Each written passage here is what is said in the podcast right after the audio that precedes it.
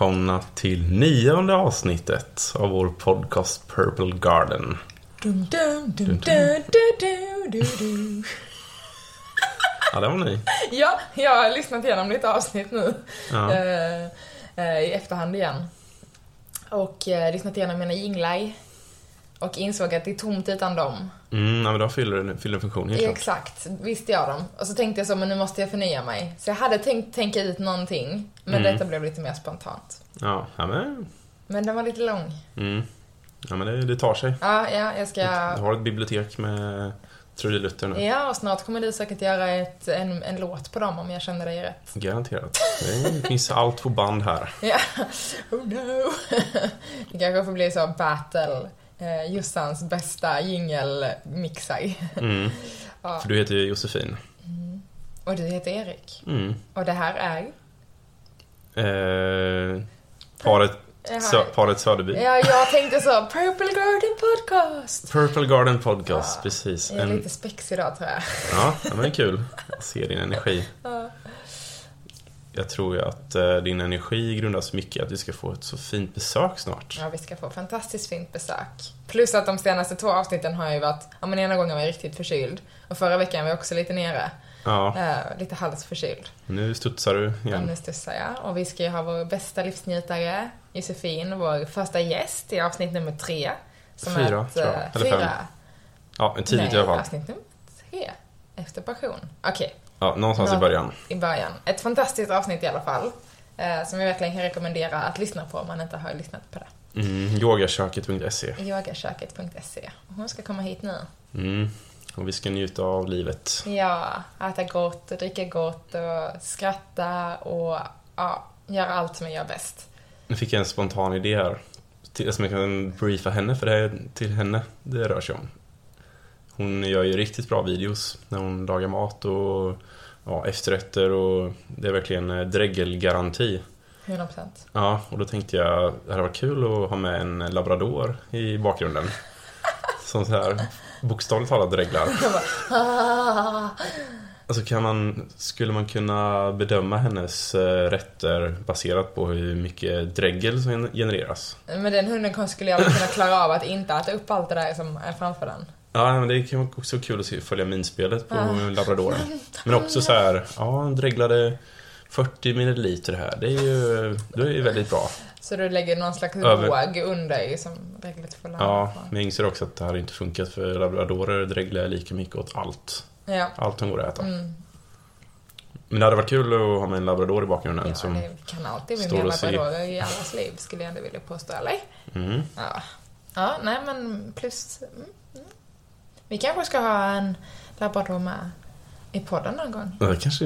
Ja, hon görs inte lika bra i eh, Nej, ljud. okej. Nej, nej. Det är mer visuellt. Mm. Okej. Men på tal om labradorer, den lyck- lyckligaste varelsen som någonsin har klivit på denna jord, så är ju Purple Garden en podcast om just lycka, Ja, exakt. meningen med livet. Mm. Om ni är nytillkomna lyssnare. Ja, varmt välkomna. Och vi har ju, ja, nionde avsnittet nu. Vi har eh, belyst lycka från eh, ganska många olika hållkanter. Ja. Och senast eh, genom eh, den kanske allra starkaste komponenten, kärlek. Ja, precis. Men idag ska vi ta ett nytt grepp. Ja, vi kommer gå lite mer, ja men lite mer, inte spretande ska jag inte säga, men lite mer omfångande. Det kommer vara lite bredare koncept idag. Nu är det lite på ytan. Vi kommer prata om något som är oerhört centralt för oss alla. Den heliga treenigheten. Kropp, själ och sinne. Jajamän. Nu, alltså man säger kropp, sinne, själ, men nu la jag medvetet sinne sist. Ja, Nej men, eh, Vi har och det kanske finns en anledning till att man alltid säger kroppen först. Sinne och själ. kroppen är väl på något sätt grunden. Ja, exakt så är det ju. Det här kött, alltså det kött, köttsliga, säger man så? Ja, Ja. Det fysiska materian och sinnet är ju också väldigt Dels kan vi ta på vår hjärna sy- fysiskt, eh, inte för att vi vill göra det, men det går. Eh, och sen kan vi mäta, vi kan mäta aktivitet i hjärnan. Eh, vi kan mäta elektriciteten som rör sig, alltså i form av signaler som skickas ut i kroppen. Eh, och vi kan, men vi kan inte på samma sätt mäta vår själ. Kanske Nej. därför den kommer sist och troligtvis också det mest komplicerade begreppet av de alla tre. Ja, vi vet ju knappt vad en själ är. Nej, exakt. Men ska vi göra som vi brukar göra? Ja. Och vända oss till Oxford Dictionary och Låt oss bryta ner dem. Ja, det är inga liksom, raketforskning-definitioner de har eh, klämt fram här. Men eh, vi kan ta det som en grund. Kör på. Vi börjar med den tråkigaste här då. Vi kan ju bara flika in här. Vi, vi ska försöka att inte debattera för mycket för att ehm, det kommer komma ett helt eget avsnitt kring det. Men vi har ju väldigt olika avstampspunkter. Vi kanske ska slänga in det innan vi tar Oxford Dictionary bara så att... eh, Mm, så precis. det kan nog ge en ganska härlig dynamik till samtalet men också väldigt tydligt att jag står ju för att kroppen är det intelligentaste och du står ju för att sinnet är det intelligentaste. Ja, precis. Sinnet är ju det häftigaste. Det mänskliga sinnet är ju det häftigaste och coolaste och mest eh, beundransvärda och eh, djupa, komplexa, fascinerande som vi någonsin har upptäckt. Oj, tänk om du kunde prata så fint om mig. Nej, det brukar du göra. Jag Du, ligger, du är nummer två. Ja, exakt. Det är sinnet först. Och jag påstår ju att kroppen är något av det mest intelligenta vi har. Eh, som styr oss och tar oss framåt och som vi borde lyssna mycket, mycket mer på än vårt sinne för att faktiskt, eh, ja men då enligt mig och mina åsikter, att så, ja men må bättre. Mm. Så kommer kroppen guida oss till lycka. Själen, den, den, den, den gillar vi båda. Får jag citera mig själv? Ja, kör på. Eller är man för självgod om man citerar sig själv? Nej, det tycker jag inte.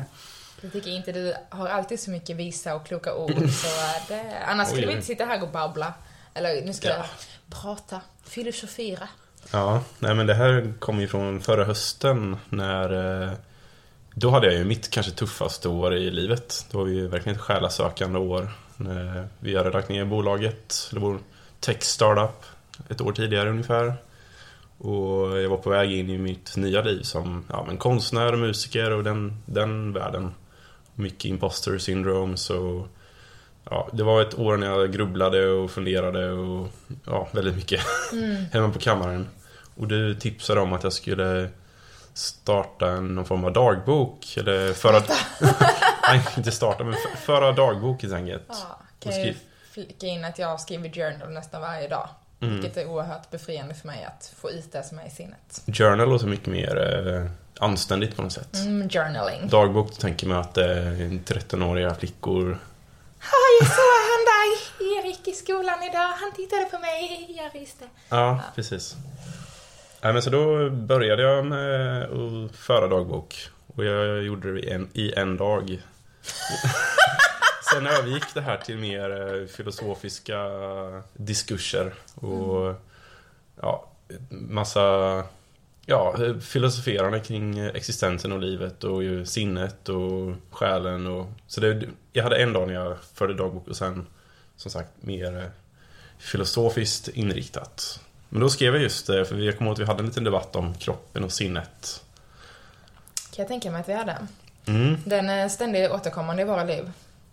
precis. Alright, men jag, jag läser till från mina anteckningar. Det är 16 november 2022. Jag hoppar över stycket med kroppen och hoppar direkt på sinnet. Kropp, det är ganska aggressivt. Vi kanske kan länka hela den här artikeln. Ligger den, eller är det en artikel? Nej, det är i mina anteckningar bara. okej, bara anteckningar. Okej, så ingen länkning. Remove. Mm. Hit, is, hit it, Eric. Var ska jag ens börja för att beskriva det mänskliga sinnet? Sinnet är ett enigma. Ett oändligt väsen som sträcker sig över ett oändligt antal oändliga dimensioner. Kapabelt att utvecklas i alla tänkbara och, och otänkbara riktningar. Och fantisera fram saker som ännu inte finns. En databas med oändligt mycket minnesutrymme. En processor med oändlig kraft. Och en idégenerator som kan omvandla, omvandla ingenting till allting. Och då skrapar jag bara på ytan av den medvetna delen av sinnet. Toppen av det sinnliga isberget. Under ytan döljer sig nämligen vårt undermedvetna som är oändligt mer omfattande och enigmatiskt än det medvetna sinnet. Trots den medvetna delen av sinnets pyramidala storhet och komplexitet.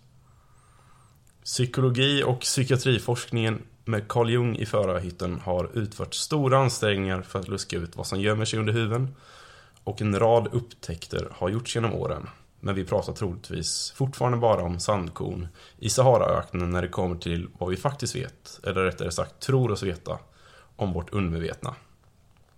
Som grädde på moset finns det långt gångna teorier om att det även existerar ett kollektivt undermedvetande. En global databas som vi alla har tillgång till någonstans djupt där inne. Att vi alla är sammanlänkade i en dimension som vi inte känner till alltså. Så ja, det är på goda grunder jag finner det en smula mer intressant att leva i sinnet än i kroppen. Mot oändligheten och vidare. Slutcitat. Mm. Mm. Mm. Ja. Jo, nej men jag, du har ju rätt i allt du skriver. Jag håller ju absolut med om det. Men, eh, men låt oss gå in på, Just det ja. låt oss gå in på Oxford Dictionary lite... eh, innan jag ska börja försvara kroppen här. Ja. Vi, Men, vi, men eh, em, otroligt eh, fint beskrivet och det, alltså, sinnet är ju verkligen eh, Oändligt. oändligt. mm. Kroppen är ju ändå ändlig, men den har så mycket andra fördelar. Mm. Och så jämför vi med kroppen då enligt, eh, vi börjar då med Oxford Dictionary. Och eh, de säger att kroppen är den fysiska strukturen inklusive kött, ben och organ hos en människa eller ett djur. Nej, fy fan vad tråkigt! Usch! Inte lika intressant. Nej, men de tappar ju allt Mm. med den beskrivningen. Okej, ta sinnet då. Vi får gå igenom dem Ja, innan jag jag, kan- blir helt till mig Jag kan här. trösta dig med att de andra inte heller är lika, Nej. alltså de är ungefär lika Platta. Ja. ja hit it. Eh, sinnet då, det är elementet hos en person som möjliggör att vara medveten om världen och sina upplevelser. Att kunna tänka och känna. Punkt. Ja. Mm. Och känna gör vi med kroppen egentligen. Alltså jag fattar ju att hjärnan är den som tar upp alltså, och skickar ut signaler men vi känner ju med kroppen. Alltså, Ja, är det sitter sensorer runt om i kroppen som skickar signaler upp till hjärnkontoret. sensorer. Ja det är sensorer, det var lätt så tekniskt. Vårt så kallade nervsystem. Ja, men Ja. kroppen är ju som en eh, maskin. Ja, Den har ja, ju alla komponenter som en, eh, en maskin har i en fabrik exempelvis. Ja, och massa mer. Liksom. Ja, sensorer och leder och, och bränsletillförsel och ja, egentligen alla komponenter som en maskin har.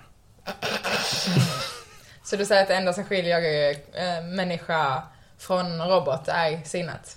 Ja, robotar har ju också sinne. Alltså processor och artificiell intelligens. Ja, ja. Så, Okej. Ja, vi tar, sin, eh, vi tar själen här då. Det är som kanske avgör och skiljer oss mest från allt. mm. Själen är den spirituella eller immateriella delen av en människa eller ett djur. Vilken är betraktad som odödlig. Det, wow, det var lite djupt. Men för jag tror ju på att själen lever vidare. Eh, jag tror att vi... eh, min tro är att vi, ja, själ, vår- när vi dör så lämnar själen kroppen och tar sig ut i universum innan den, eller ja, universum, men en ny dimension liksom, där inte förkroppslighet kan finnas. Eh, och sen när vi eh, är redo för ett nytt själsuppdrag så kanske vi kommer tillbaks till jorden eller så kanske vi är på någon annan planet. Ehm, ja, i någon annan utomjordingsliv. Det finns en bra Disney-film som beskriver det här. Vad heter den nu igen? Själen, Ja, den heter Själen. soul. Ja. Eh, och också, som ni säkert många vet, så är jag väldigt intresserad av det spirituella och andliga. Ehm, och det är ju väldigt många som pratar om att så, men själen kommer ju från, ja, men till exempel andra, andra ehm, galaxsystem. Plejaderna är en av de vanliga som man brukar prata om. Eh, Plejaderna. Plejaderna, mm, Ja. till exempel. Oj, nu, vad är det? Ja men det... Vintergatan. alltså en annan. Men, men... En annan galax. Ja, fast en annan dimension liksom. Mm. Eh, man brukar prata om att så, men...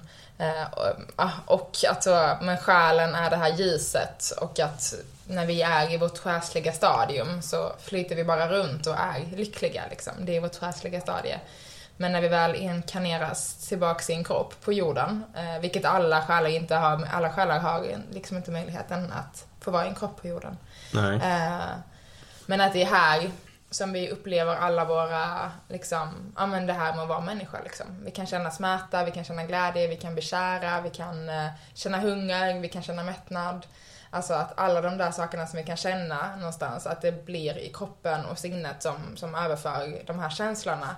Eh, och att det är otroligt för själen att få vara med om det här liksom. Men det är inte, att det inte är en självklarhet liksom. Nej, och sen eh, sinnet och kroppen förändras ju över ens livstid. Ja, exakt. Alltså man upptäcker nya saker, man lär sig nya saker.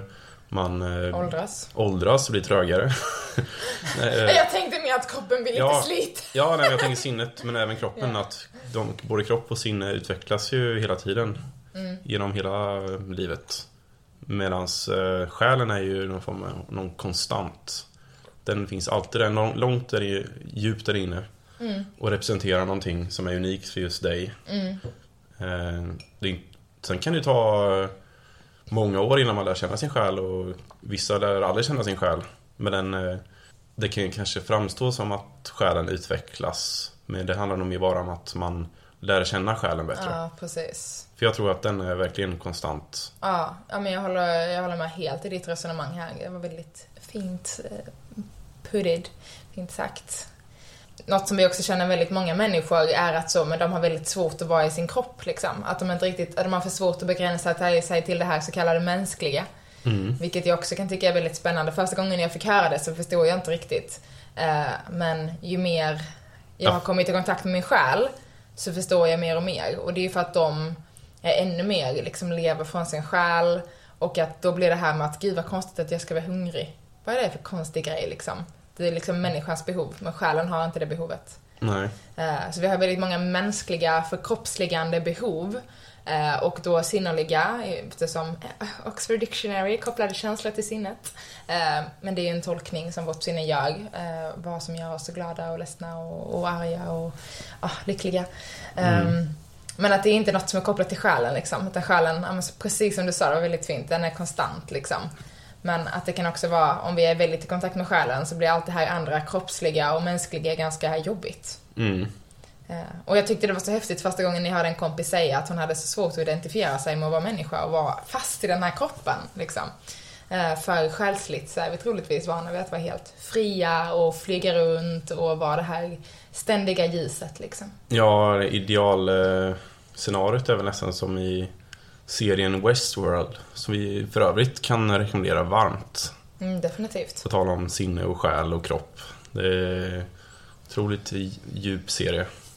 Eh, Men då eh, minns jag inte vilken säsong det är, men någonstans, ja, säsong två, tre någonstans kanske så börjar de ju koppla upp eh, sig själva. Så att de, de behöver inte sin kropp längre. Man kan ladda upp sig själv i en databas och så lever man vidare med, ja, med samma sinne, själ som tidigare, men utan kropp helt enkelt. Och man kan väl byta kropp också? Ja, alltså du har ju avatarer. Ja, precis. Men eh, du, du kan leva för evigt för att du kommer aldrig... Det finns liksom ingen hårdvara som kan gå sönder längre. Det låter som Neuralink. Ja. Det är ett av de mest fascinerande och skrämmande projekten som någonsin har eh, ägt rum tror jag. Mm. Ska vi ta lite kort, om man inte har hört talas om Neuralink? Ja, det är ett av Elon Musks alla projekt. Ja, som många vet och har han ju en del. Ja, han har många järn i elden. Och eh, bland annat att kartlägga den mänskliga hjärnan. Och eh, även kunna programmera om den mänskliga hjärnan. Eller någon form av slutmål. Och kunna koppla upp sig helt eller? Så Ja. att kroppen inte, så att man har mjukvara istället. Jag antar att det är någon form av, han har väl också sett Westworld, den gode Elon-. Mm.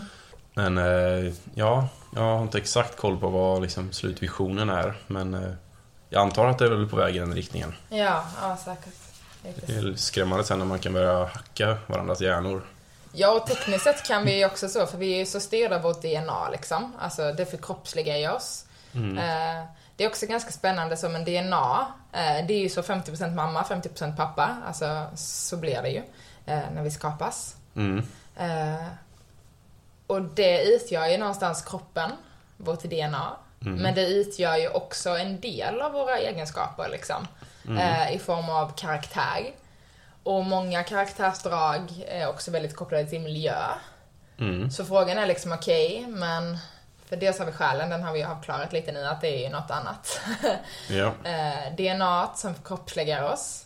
Men var kommer sinnet in i det här liksom? Ja, det är en väldigt bra fråga. Ja, just med tanke på den här liksom uppkopplingen så tänker jag på så här, vi kan göra såna CRISPR babies. Jag tänkte säga det, kinesiska labbbebisar. Exakt.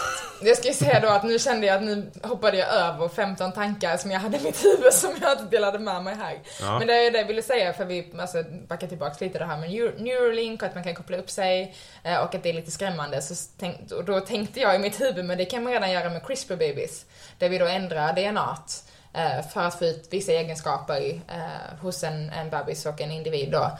Och det, var, och det var där jag hoppade in efter den tanken. Att så okej, men, men vad är egentligen att vara människa är? Det att ha kropp, sinne och själ. Samtidigt som så, för att vi ska få vår kropp och vårt DNA så behöver vi mamma och pappa eh, och deras DNA som förs vidare och bygger vår kropp. Och sen liksom, men vad kommer efter det liksom? Någonstans.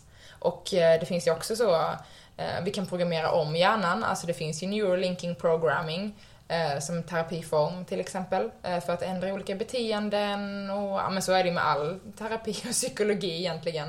Ja, min, min mor är ju psykiatriker och har ju mer eller mindre programmerat om de riktigt eh, svåra casen.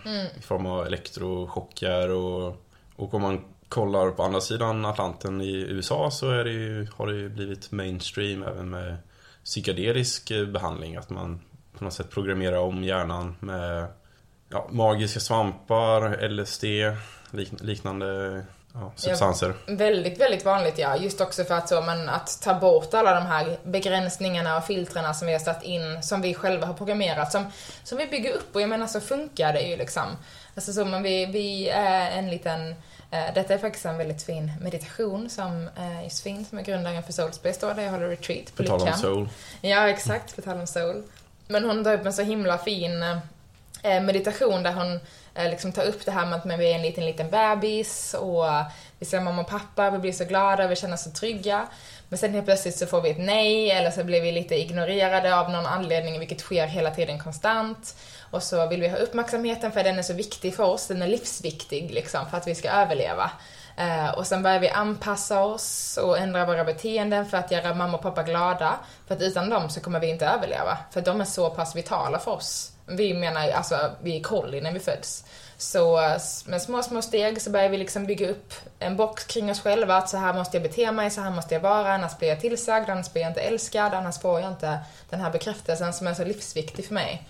Eh, och så bygger vi upp mer och mer väggar och vi sätter på fler och fler masker och lager och liksom stänger in oss själva i den här boxen.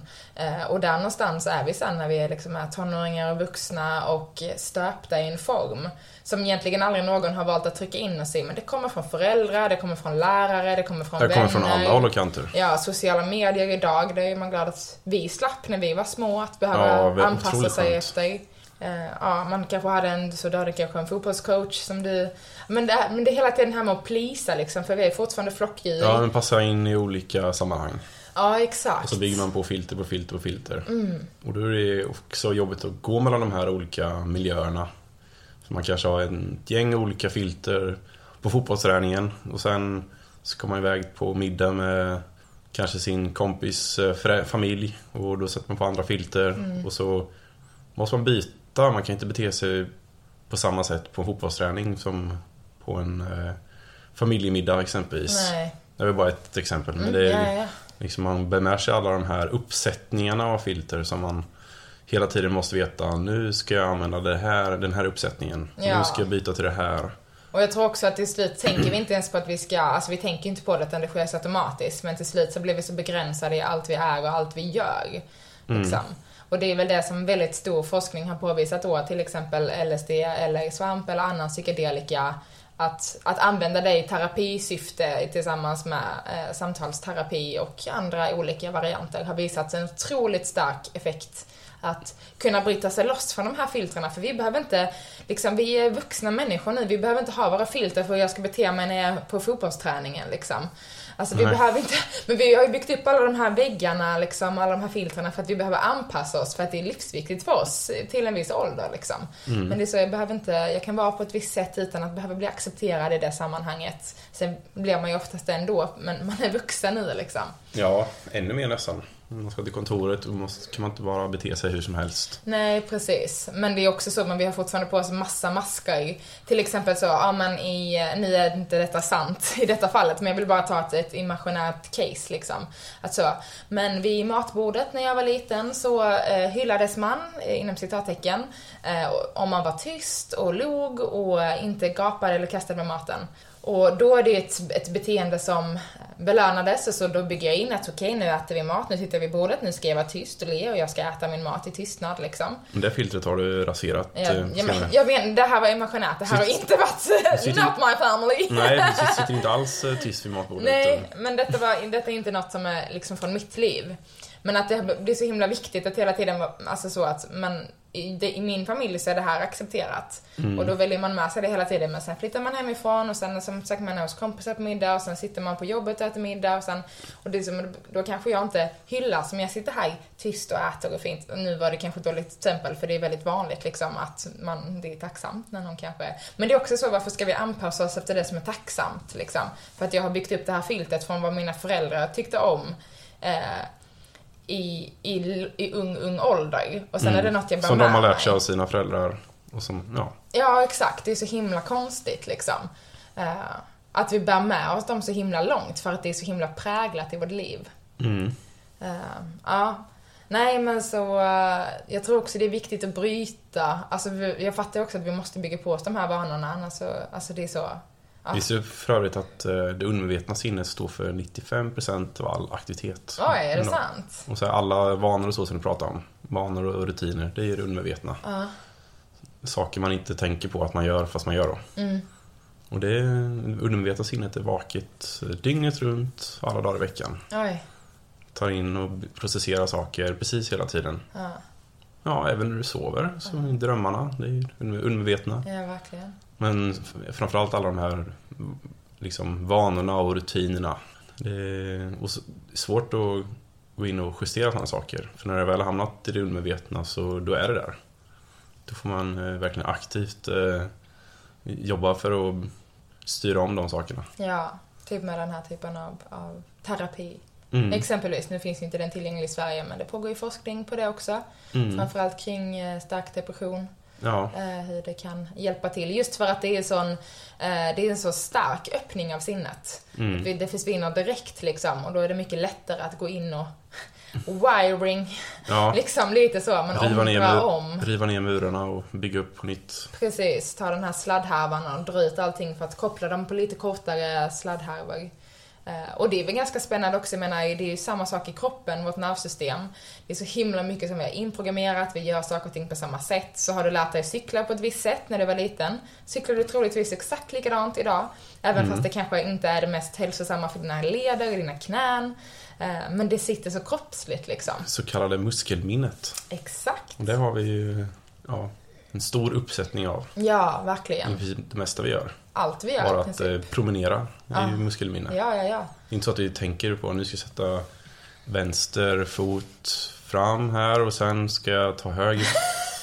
Det hade sett kul ut. Ja, det är ganska självklart att promenera och även cykla och simma. Och, Och allt som har med sån, eh, ja, men koreografering att göra. Om man gillar att gå på typ eh, träningspass så som är förkoreograferade så efter ett tag sätter sig det också i sinnet liksom.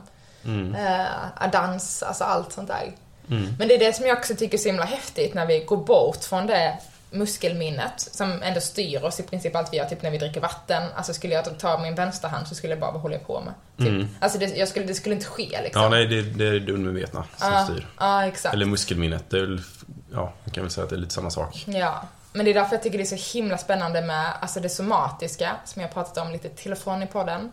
Eh, alltså när vi går in i det här ja, men icke-kontrollerande, alltså när kroppen får styra helt. Inte sinnet får styra, utan det är som att så, vi stänger av hjärnan och går ner i kroppen och låter den få röra sig. Till exempel som i en ah, frigörande dans eller en, en, en lekstund utforskande för kroppen. Eh, något som jag har bjudit in väldigt mycket med i yoga.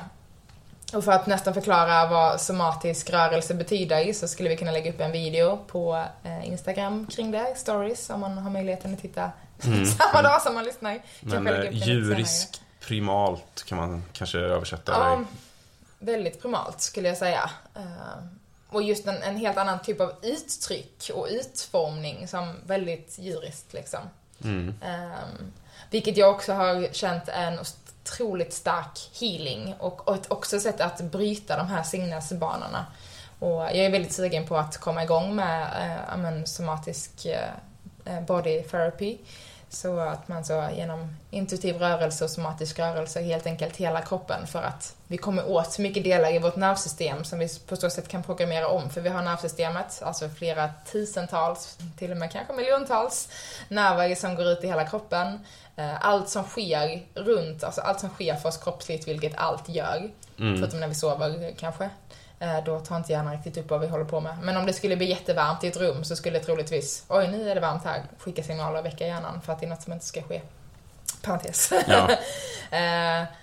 Men, men att också så, för att jag har så mycket nervtrådar som skickar signaler till hjärnan hela tiden, hjärnan skickar signaler tillbaks till kroppen och det är en ständig, så, så funkar ju världen, liksom livet. Mm. Eh, och att genom att hitta de här rörelserna så kan vi skicka nya signaler till vår hjärna som visar att vi kan vara trygga i nervsystemet på olika sätt och vis. Som gör att vi kan omprogrammera vissa beteenden och kanske framförallt skador som kan sätta sig fysiskt. Mm. Eh, men också, det kan också vara mentala bitar som vi kan påverka eh, genom att kunna trigga en trygghet i områden som vi kanske inte alls känner trygghet i. Ja, men som exempelvis depression. Mm. För det är ju, depression är egentligen väldigt irrationellt. Eller irrationellt kanske är fel ord, men det har ju egentligen ingenting med ditt liv att göra. Du kan ju ha ett eh, till synes eh, lyckligt liv, du har roligt jobb, du har fina vänner, bra livspartner som du trivs med. Liksom allt kan vara på plats, men du är ändå, du är ändå olycklig. Mm. Att utan, utan någon anledning egentligen. Och då är det ju kemiskt, alltså någonstans i kroppen eller i sinnet som, ja, ja sinnet förmodligen då. Ja. Alltså det är, nå, jag vet inte, För att man kan ju också, typ går man runt med smärta konstant så måste väl det också kunna gå vidare till depression antar jag. ja, men då finns det en anledning, då är det alltså Ja, det är en anledning. Ja, Ja, vissa människor är ja, men, jättebra fysisk, eh, mental form egentligen och har allt plats, men ändå olyckliga. Tillvaron känns grå. Då är det ofta, eller ofta, det är, definitionen är att då är det en, en, en kemisk eh, obalans någonstans i, i hjärnan. Lyckohormonerna som inte produceras som de ska, eller liknande. Mm. Det är ju sådana obalanser eller avsaknader som man kan eh, rätta till då med en sån här omprogrammering. Ja. Ja, ja nej, det är väldigt eh, spännande. Och hur liksom icke-själsligt allt blir Mm. när man plockar bort den aspekten också. Det är väl där någonstans, för att ändå dra in min, min största passion i livet kring yogan. Ska jag också säga att jag är från grunden, inte från grunden men tidigare, ingen grund är stressad. Men eh, från eh, ett, eh, mitt tidigare liv under tonåren och början av universitetstiden. En superstressad person eh, som var egentligen helt förstörd i mitt nervsystem. Första gången jag testade meditation så var jag 17 tror jag, gick i tvåan på gymnasiet och vi skulle ligga på madrasser i aulan. Jag gick ut därifrån. Mm. Hur ska man kunna ligga still här? Vilket slöseri med tid. Jag var arg liksom. Mm. Eh, Men det är nog därför jag tycker det är så himla häftigt för att för mig har sinnet styrt mitt liv så otroligt mycket. Med prestationer, med måsten och med krav och med de här inrutningarna. Det är som alltså yogan har kopplat mig mer till min, min själ, till något inre som jag inte riktigt kan varken sätta ord på eller förstå vad det innebär. Och att jag har fått uttrycka mig själv så mycket kroppsligt. Jag förstår att jag har en kropp, jag förstår att jag har känslor för att de får uttrycka sig i min kropp när jag börjar släppa taget på spänningar. Och troligtvis också då, men våga släppa taget om de här begränsningarna som jag har satt för mig själv i mitt sinne liksom. Mm. Och det är därför jag tycker yogan är så himla otrolig. För att den har med så många aspekter liksom. Mm. Eh, vilket för mig känns liksom som världens mirakelmedicin. Och där är jag ju lite tvärtom kan jag säga. Mm. Jag älskar ju att vara i sinnet. För när man är ute på eh, ja, men Soulspace, det är yoga-retreatet, då är ju mantrat ofta att man ska leva i kroppen. Att man ska ner från sinnet och landa i kroppen. Och eh, jag förstår ju vad, vad, varför de, eller vad de menar och mm, varför de säger så liksom. Eh, Men jag älskar ju att vara i sinne som sagt. Jag tycker att, ja, men som mitt citat jag läste upp förut, från mig själv, att eh, sinnet är en otroligt fascinerande plats. Alltså, det finns så mycket att upptäcka. Och bara det där med att man får ett blankt papper och det finns liksom inga, inget utstakat, det finns inga begränsningar. Man kan omvandla ingenting till vad som helst. Men det kan du ju på något sätt med kroppen också. Till exempel rörelse. Ja, absolut. Men eh, från, från min synvinkel så... Jag vet inte, det finns, man kan ju drifta iväg i sinnet i all oändlighet. Ja. Och generera ide, nya idéer och skap, skapa saker. Bygga upp scenarion. Jag skulle vilja kasta in boken Walden här. Av den gamla franska filosofen Thoreau. Vi har många franska filosofer. Ja, eller vänta. Är, han är eh, fransk-amerikan.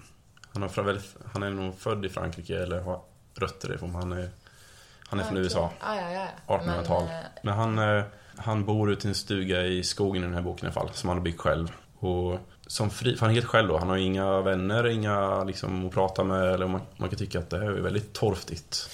Men eh, han beskriver väldigt eh, detaljerat i boken hur han, hans fritidssysslor är att bara lägga sig på, eh, på gräsmattan och sluta ögonen och sen börja fantisera helt enkelt. Mm.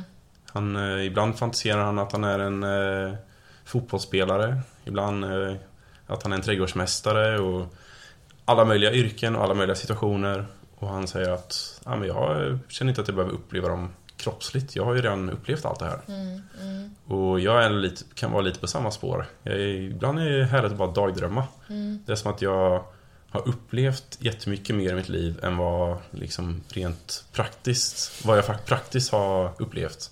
För att jag har ja, men flytit iväg i de här tankeuniversumen och saker som inte existerar men som jag har byggt upp ett eget eh, fantasiland kan man säga då. Men känner du inte att du liksom flyr från det själsliga då? Alltså om vi ska koppla in den biten i det här också. Tror, Eh, förlåt, en fråga innan dess. mm. Tror du själen är här av ett syfte? Trodde du att din själ har ett syfte? Har- Trodde du har ett syfte på jorden? Nej, det tror jag faktiskt inte. Det är svår, alltså svårt att säga, vi är ju, vi är ju små organismer i en, på en liten planet i ett oändligt kosmos. Ah, Jag har ju svårt att tänka mig att just vår lilla planet och vi små organismer skulle ha någon större betydelse. Vilket gör att livet känns mycket mer liksom, odramatiskt och avslappnat. För att jag känner att det finns egentligen ingen syfte och mening. Eh, Alltså, ja, nej, min, min, eh, min uppenbarelse eller min, eh, min roll har ingen, liksom, inget värde i det större. Liksom. Mm, Vilket gör att jag kan leva livet precis som jag behagar. ja. Därav meningen med livet är att hitta saker man älskar och göra det så ofta man kan.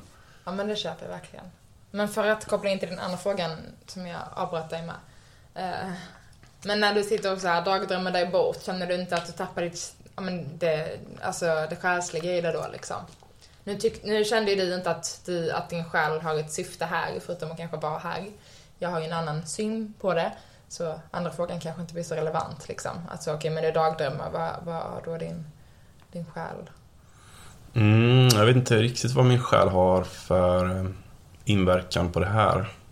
Men jag, jag, jag, gör ju roliga saker i mina dagdrömmar. Det är inte så att jag sitter och eh, viker tvätt liksom. Nej, det förstår jag. Så jag gör, jag gör saker som kanske inte vore möjligt annars. Så får jag uppleva det, precis som Thoreau i Valden. Mm. Han har upplevt jättemycket ja, utan att uppleva det rent fysiskt då. Det låter ju lite som att typ läsa en bok eller, och försvinna in i en Ja. karaktärs liv eller kolla på film och Det är försvinna in. exakt samma sak tror jag. Bara en större aktivitet. Bara att det är jag som är regissören. Ja, precis. För det kan jag, jag var ju en bokmal när jag var yngre. Jag läste ju, men inte en bok om dagen kanske, men eh, läste ju varje dag, flera timmar. Och det var ju liksom en stor passion att läsa böcker. Men sen på senare, senaste tio åren så har jag ju förlorat den förmågan helt. Eller intresset. Men du har din egna bok.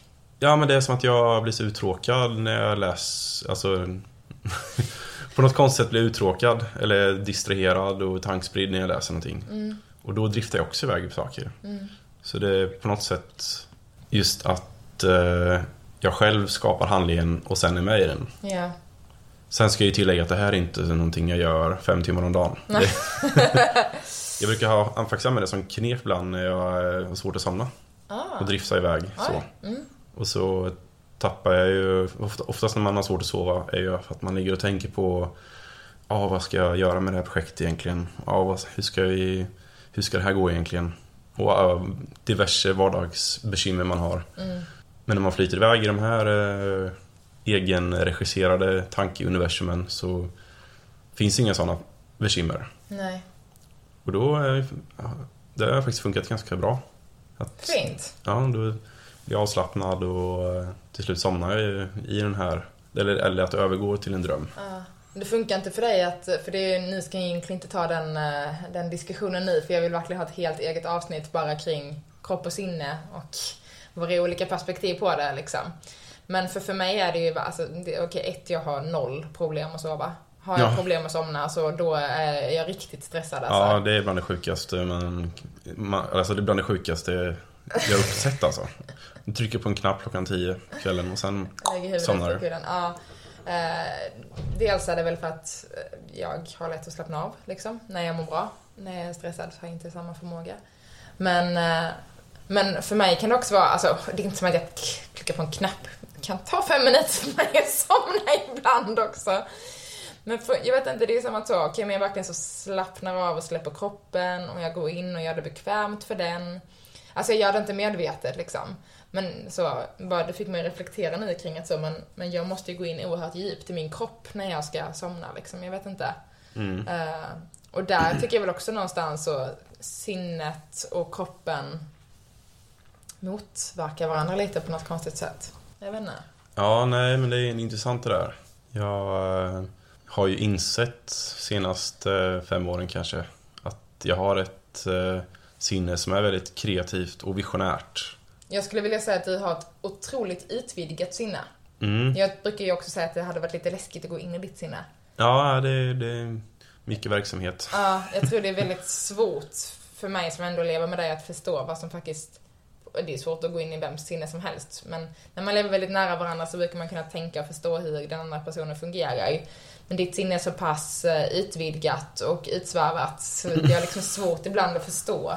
Ehm, Ja, och det är men positivt alltså, nu Ja, låter det negativt men det är väldigt fascinerande ska jag väl säga. jag är ju i grund och botten tacksam över det sinnet jag har fått. Ja. Att jag har förmågan att skapa saker ur tomma intet och bygga upp framtidsvisioner. Och, ja, det var ju väldigt eh, gynnsamt när vi drev företaget. Vi skulle få in investerare. Det var bra på att måla upp visioner Mm. och få folk att bli inspirerade Ja. på, den, på den fronten. Och jag tycker att det är, det är härligt att kunna ha den här kreativa sprängstoffen som jag har. Det känner jag är en, eh, en blessing. Men det är också det är två sidor av myntet. Mm. Det finns ju en baksida. Mm. Att det är svårt att stänga av. Hur mycket jag än försöker ibland så, så snurrar det. Och där tycker jag att kroppen kan vara till ett så himla starkt hjälp liksom. Mm. Jag tycker alltid det är så sjukt, alltså det är så intressant, typ när vi yogar tillsammans eller mediterar tillsammans. Då tänker jag så, men gud, nu ska vi slappna av Erik, nu ska vi släppa det här. Eh, typ så när vi har andningsövningar, jag minns när jag introducerade, inte, nej, kanske inte att jag introducerade till dig, men, men vi gjorde andningsövningar tillsammans första gången för, ja, det var många år sedan vi testade på det. Och då var jag så, men vi ska bara andas in djupt, andas ut och så guidade jag liksom en, en härlig andningsmeditation. Och efteråt så berättade du så bara, åh jag... Då för att du aktiverar... Ja, för jag var så, nu ska vi komma ner i kroppen, vi ska bara fokusera på att vi andas in och att vi andas ut. Det är det enda hjärnan ska behöva lägga energi på. Och efteråt var det så här, åh jag såg som en ventil som öppnades och stängdes, som en ballong som expanderades och drogs ihop. Och jag var så, nej det var inte detta som var meningen! Just det, det var den när man eh, höll för en nösborre och andades Ja, in och sen växlade lite mellan. Ja, Ja, men jag minns- heter, eller växelvis andning.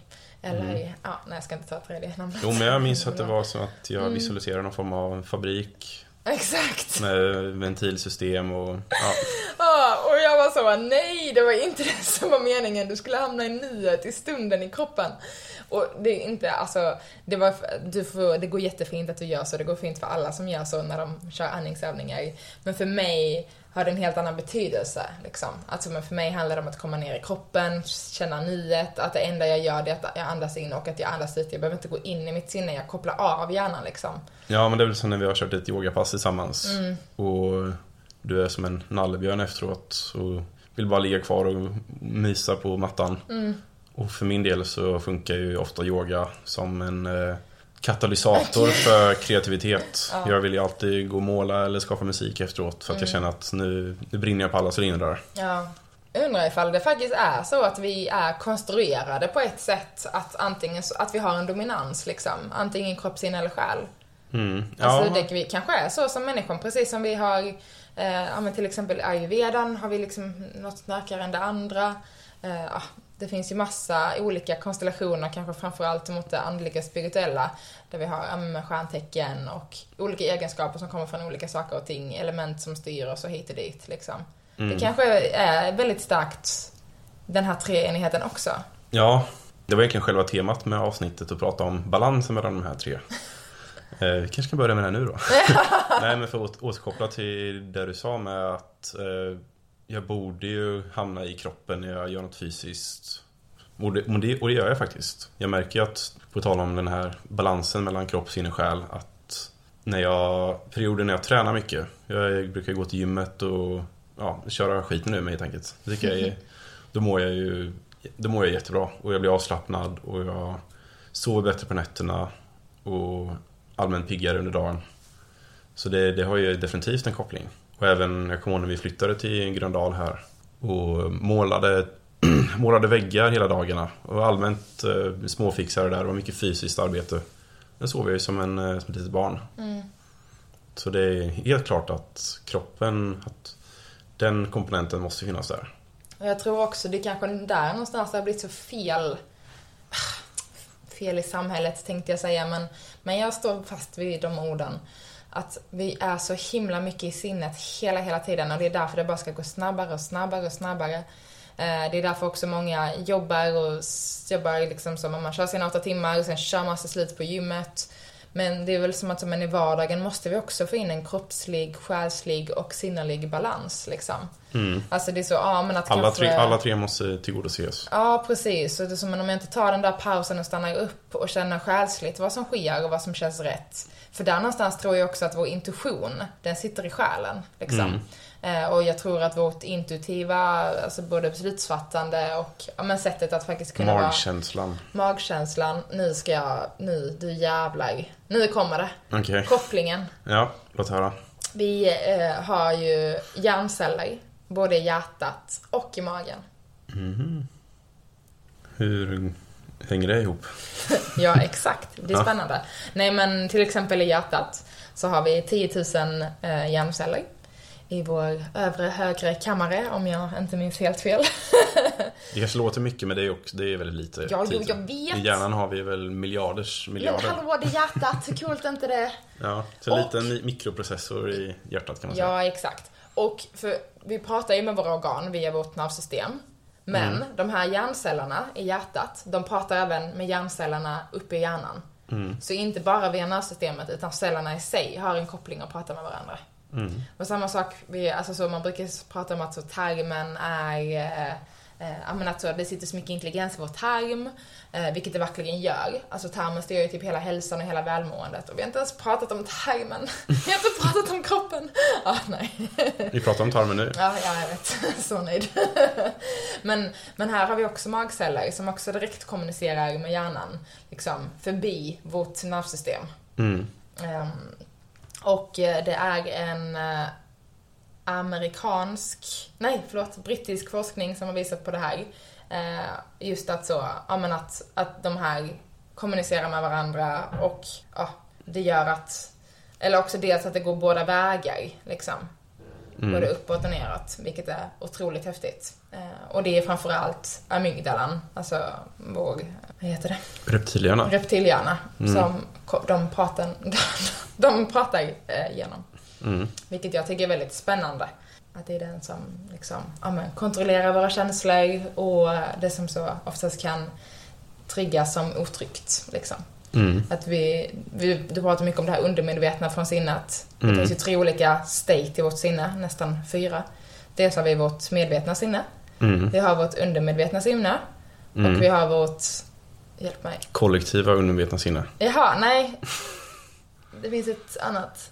Ett, ja, antingen är det medvetet eller så är det undermedvetet. Omedvetet kan det också vara. Ja, men det är samma som undermedvetet. Okej. Okej då. Ja, Mm. ja. Men sen har vi också då amygdalan. Mm. Alltså det som sker på eh, respons från vår kropp, helt Mm. enkelt. Ja. Ehm, så det som sker då när de här hjärncellerna i magen och i hjärtat pratar upp till hjärnan då, det handlar ju om att något är otroligt otryggt, troligtvis. Eller så, men ni är något fel, ni är något farligt för livet här. Och då kopplar vi på den här eh, fight or flight-känslan liksom. Eh, och det, jag tycker det är spännande att, att vårt hjärta och vår mage kan ha den kommunikationen med hjärnan utan elektriska pulser via vårt nervsystem. Mm. Ja, Ja, det- men det visar någonstans hur mycket grund, alltså för amygdalan är ju liksom också så reptilhjärnan, det är det som har varit med som alla andra djur också har. Mm. Och att det säger så himla mycket om liksom magkänslan och vad som sker i hjärtat. Och att om det finns rädsla här, vilket visar sig väldigt kroppsligt, liksom åh, magknip eller hjärtklappning. Mm. Det signalerar direkt att ni är något fel liksom. Alltså Mm. den här riktigt eh, eh, basen till oss själva. Det kan ju också vara kopplat till det kollektiva undermedvetna. Ja. Som Jung pratar en del, hel del om. Ja, men exempelvis att eh, du är rädd för ormar när du föds. Trots att du aldrig har träffat en orm. Mm. Och, Träffat. ja, Goddag, goddag. ja, nej men du har ingen upplevelse av ormar, ändå så är du livrädd för ormar. Mm. Och det är någonting som är nedärvt, eller som du hämtar från den här kollektiva undermedvetna databasen som Wow. finns någonstans. Ja, det är sjukt. Det För är det- sjukt. Ja, det, för det går inte riktigt att förklara. Men Nej. det är någonting som alla, alla människor känner. Ja. ja, det är väldigt häftigt. Återigen kopplat till det här med att eh, ja, men vad är faktiskt vårt DNA liksom? Vad är vår kropp? Vad är vårt sinne? Vad är vår själ? Mm. Ja, nej, det kanske har varit lite spretigt men vi har också gett avsnittet tid att djupdyka på olika delar. Ja, Eh, och jag tror framförallt för att så knyta ihop det lite att men kropp, sinne, själ, det ska vara en balans liksom. ja, det måste tillgodose alla tre. Precis. Det räcker inte med två. Nej. Som i mitt fall, jag tillgodoser ju sinnet och själen väldigt mycket. Om man ska bryta ner det så, att tillgodose, tillgodose sinnet för min del är ju ja, men att tänka, att vara kreativ. Alltså du, om, du, om du slutar vara en tänkande varelse så kommer du till slut förtvinas. Du behöver ju, det har vi pratat om i Ja, ja, ja, ja. kreativitetsavsnittet, hur, vilka hälsofördelar det har, alltså mentala hälsofördelar det har att vara kreativ. Mm. Att lösa problem, att eh, ha aktivitet uppe i hjärnkontoret helt Ja. enkelt. Och utan vår hjärna så dör vi. Ja, alltså precis. det är ju verkligen så också så, utan hjärta, utan hjärna, vi dör. Ja, så det behöver ju alltid tillgodose hjärnan och underhålla den hela tiden. Mm. Det är ju bara som vårt eviga exempel med alkemisterna. Varför de lever så länge. Är för att de, inte för att de tar fram elixir som gör det odödlig utan för att de ständigt lär sig nya saker, de utvecklas, de håller hjärnan i trim. Så ja, det är viktigt att tillgodose den. Mm. Och själen, det, det är någonting jag har börjat tillgodose senast eh, tre, fyra åren skulle jag säga. Eller två år. Ja, det har väl kommit mycket med, ja men, nu ska jag inte säga att det är influerat av mig, men jag har väl bjudit in dig till att smaka på den biten av livet. Sen har du bjudit in den så mycket mer själv. Ja, jag tänker mer på, alltså när vi drev företaget exempelvis. Det var ju fantastiskt kul ibland och sådär men det kändes hela tiden som att det var en gnagande känsla att jag inte var på rätt plats. Att jag blev någon form av karaktär som, ja men eh, jag skulle vara entreprenörs-Erik och få in, driva in eh, investeringar och att det var inte riktigt mig själv, det är mitt sanna jag.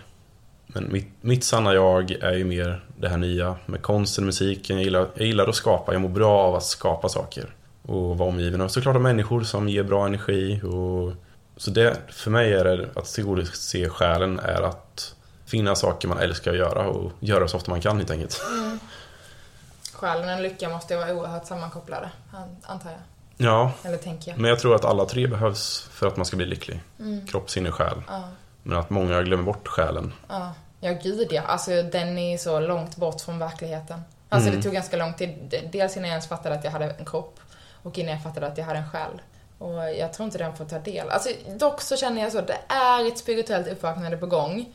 Fler och fler förstår att det finns något som är själ, att det finns något djupare liksom. Jag Ja. tycker ändå att det är något som händer i samhället. så Det är väl positivt. Det är två eh, parallella rörelser som vi har ju följt på nära håll, kan man säga. Dels eh, yogavärlden, där du är verkligen inne i. ja, men, eh, människor kommer ut i de här retreaten och verkligen eh, bryter ner sig själva, kan man säga. Ja. Inte bryter ner, men de eh, Om man går så pass mycket på djupet Ja, och men- skalar av. Liksom. ja, försöker hitta vad, vad är min själ? Vad är det jag mår bra av? Så den rörelsen, om man kan kalla det för rörelse. Och sen även burner-rörelsen, Ja. kan man säga. Ja, ursprunget är ju den amerikanska sammankomsten Burning Man. Ja. Men det har ju även fått vingar och nu det ju, finns det ju liknande tillställningar världen över. I princip eh, året runt. Och bland annat Borderland, där vi var. Mm. Och en hel del människor där, de har ju lämnat det traditionella samhället och lever enbart i den här världen. Ja. Liksom bytes, eh, vad ska man säga, bytessamhälle. Eller det är ett penninglöst eh, samhälle som handlar om att du bidrar med saker och sen bidrar någon annan med något annat. Och sen blir helheten att allt det bra finns. Ja. Men det som karaktäriserar hela burn-rörelsen är ganska likt yoga-rörelsen. Att det är verkligen få leva ut till den person man vill vara. Och inte vara, behöva anpassa sig efter samhällets eh, instruktionsböcker och normer utan följa sin egna väg. Ja, men följa sin inre sanning och liksom följa själens riktning på något sätt tror jag. Mm. Jag tror den får ta mer plats där. eh, I alla fall den känslan jag har. Och jag Mm. tror också att det är så himla kopplat till att stanna upp och vara lite närvaron. Mm. Alltså så, men vad är om jag verkligen stannar upp och lyssnar, vad är det som skaver liksom?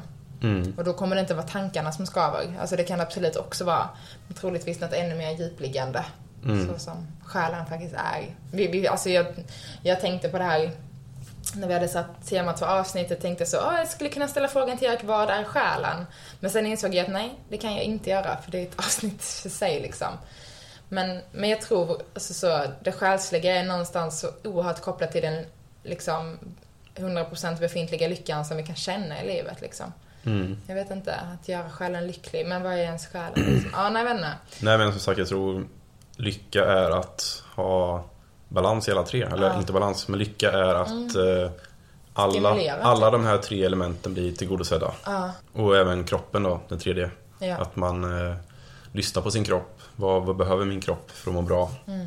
Oftast är det inte så svårt. Det är rörelse och god kost. ja kärlek, beröring. Ja, Viktigt. precis sådana saker också.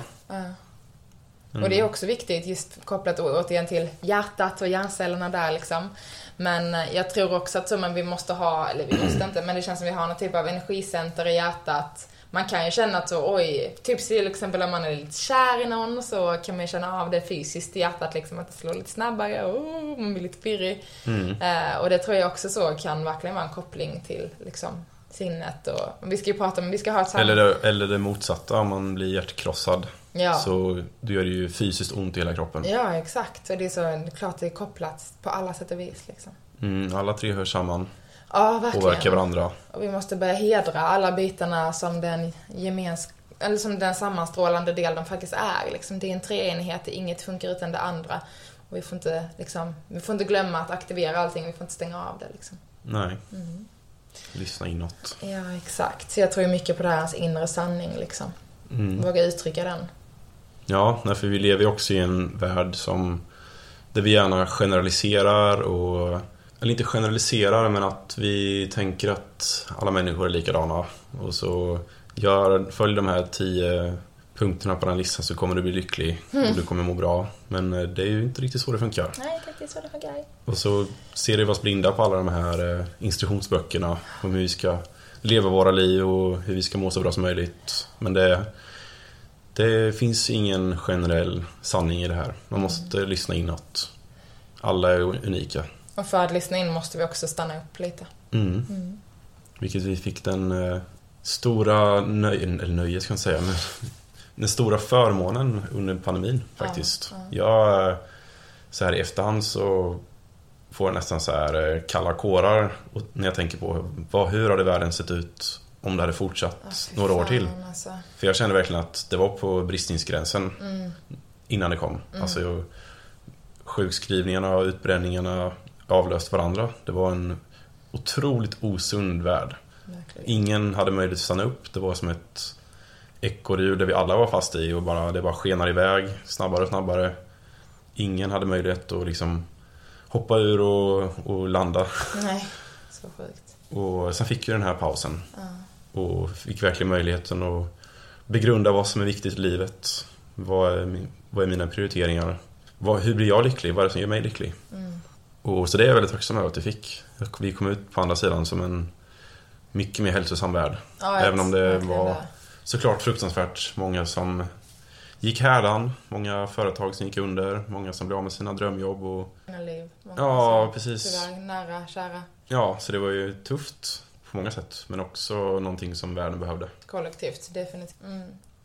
Och också så med någon slags riktning att så, ja, men vi kan inte skippa, vi kan inte bara vara det här sinnet och producera och jobba, jobba, jobba. Vi måste stanna upp och lyssna in, hur mår kroppen, hur mår själen liksom. Ja, precis. För det var ju verkligen någonting som, vi- som glömdes bort i det här eh, frenetiska... Det frenetiska hjulet som snurrade. Mm, ja, verkligen. Att eh, just själen, det var ju, vi skulle bara producera och producera. Det var ekonomiska tillväxten skulle upp. Högkonjunkturen blomstrade som aldrig förr. Det var ju det har aldrig varit så bra ekonomiskt ställt. Mm. Och ja, man glömde helt, bort, helt enkelt bort att följa sin själ. Till slut blev alla olyckliga.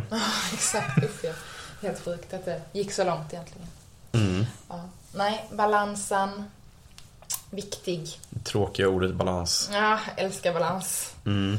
Jag kan inte påstå att det är ett av mina favoritord men eh, jag har ju förstått att just mellan de här tre så är det väldigt viktigt att ha balans. Mm. Man kan inte lägga tyngdvikten på två stycken av dem. Eller man kan lägga tyngdvikten på två stycken men men man måste liksom alla tre måste få kärlek. Ja, exakt. Och få uttryck. Mm. Mm. De påverkar varandra alla tre. Ja, verkligen. Mer än vad vi tror. Mm. Speciellt om vi börjar utforska det.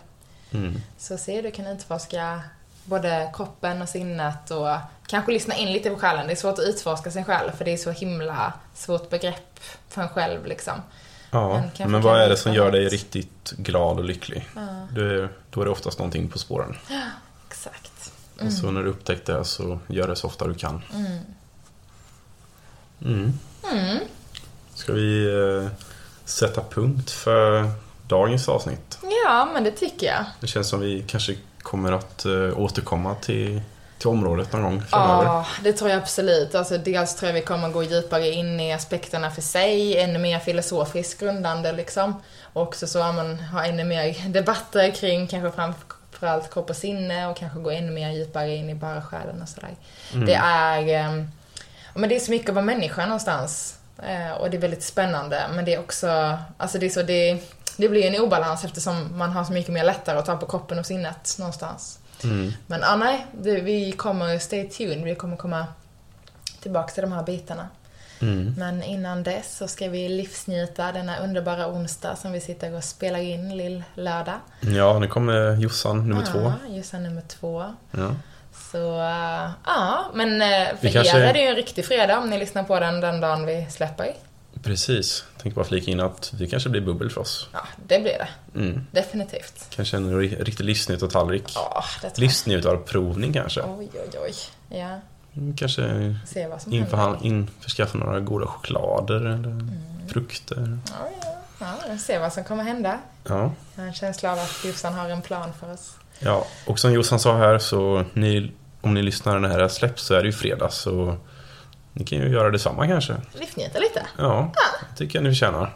Och det kommer vara otroligt bra väder i helgen så Fantastiskt. I alla fall i Stockholm, säkert andra ställen också. ja, lyssnar du i Överkalix så kanske, kanske inte är lika bra. Nej, Men i söd, södra Sverige så ser det ut att vara högsommar igen. Ja, vi kan inte styra vädret mer än att berätta vad som står på. Eh, Väderleksrapporten. ja, exakt. Mm. Men eh, njuta av fredagen, av helgen, av dagen, av livet. Mm. Hedra kropp, sinne och själ. Glöm inte bort den ena biten. Sätt inte den andra före någon annan. Och äh, ja, Mm. var hittar man oss Erik? Man hittar oss i Gröndal. Ja, dels det. I Stockholms eh, sydvästra utkanter. Eller inte Ja. utkanter. Men vi kanske inte vill att massa ska komma här och knacka på för att ge feedback till podden. Nej, om man vill eh, göra på ett lite enklare sätt så kan man eh, surfa in på Instagram där vi heter Our Purple Garden. Yes. Där hittar ni lite info om avsnitten och filosofiska tankar och om ni har input så får ni jättegärna skriva till oss där kring ämnen, feedback i podden, eh, mina jinglar, ja, Högt och lågt. högt och lågt. Det är bara att ösa på. Yes. Och så eh, fram tills nästa vecka så önskar vi er en, en lycklig eh, sensommar. Mm. Och ha en riktigt ljuvlig helg. Yes. Puss och kram! Puss puss!